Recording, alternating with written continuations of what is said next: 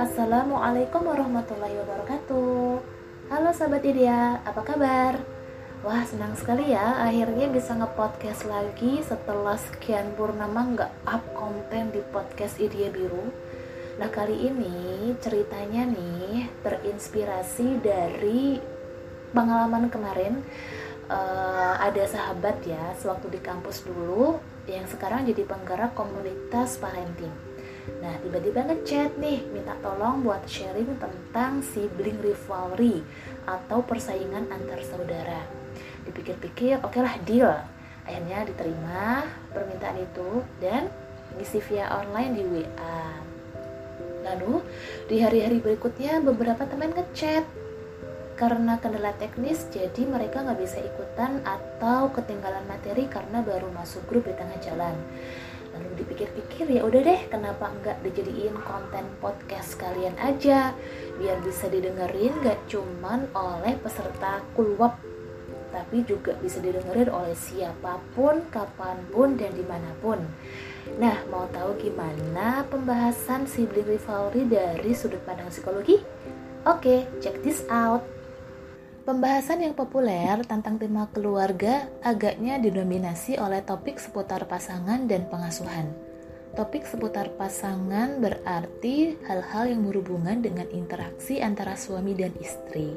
Misalnya, bagaimana cara berkomunikasi dengan suami, atau bagaimana cara memahami pasangan, dan lain sebagainya. Sementara topik seputar Pengasuhan adalah hal-hal yang berhubungan dengan interaksi antara orang tua dan anak.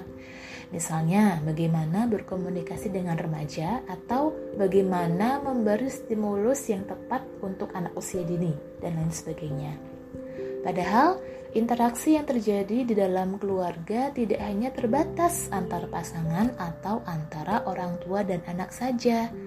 Ada satu jenis interaksi lain yang juga penting, yaitu interaksi antar saudara. Selain orang tua, orang terdekat yang dilihat seorang anak adalah saudara kandungnya. Interaksi anak dengan saudara kandungnya adalah hubungan yang mendasar sebelum mereka bersosialisasi dengan lingkup pergaulan yang lebih luas, misalnya teman sebaya, teman sekolah, atau masyarakat. Interaksi antar saudara adalah hubungan yang unik bagi sebagian anak, saudara bisa menjadi modal yang kuat untuk mengembangkan rasa persahabatan dan dukungan. Sementara bagi anak yang lain, saudara justru menjadi sumber masalah dan persaingan.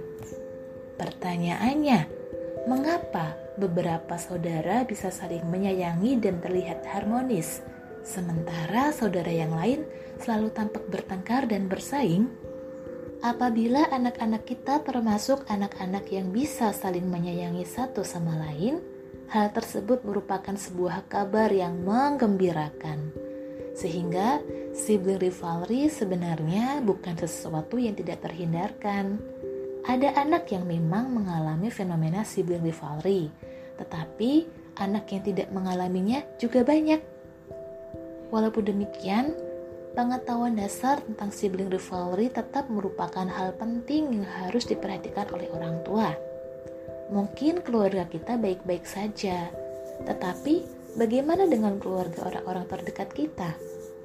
Nah, dengan pengetahuan tentang sibling rivalry ini, diharapkan paling tidak kita bisa memberi saran awal. Sibling rivalry yang dibiarkan atau tidak mendapat penanganan secara tepat bisa berpotensi untuk menimbulkan masalah yang berkelanjutan dengan bentuk yang lebih luas di masa yang akan datang.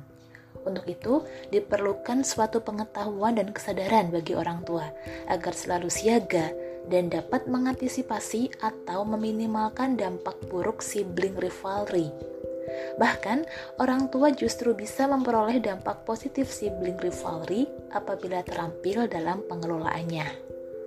Baiklah sahabat sekalian, melalui podcast ini, pemaparan dinamika sibling rivalry akan dikelompokkan menurut fase perkembangan anak yang masih berada di bawah tanggung jawab orang tua, yaitu masa anak usia dini hingga remaja awal.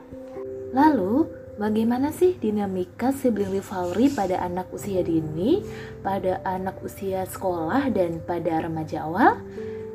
Nantikan podcast berikutnya yang membahas lebih detail tentang dinamika sibling rivalry pada fase tiap perkembangan.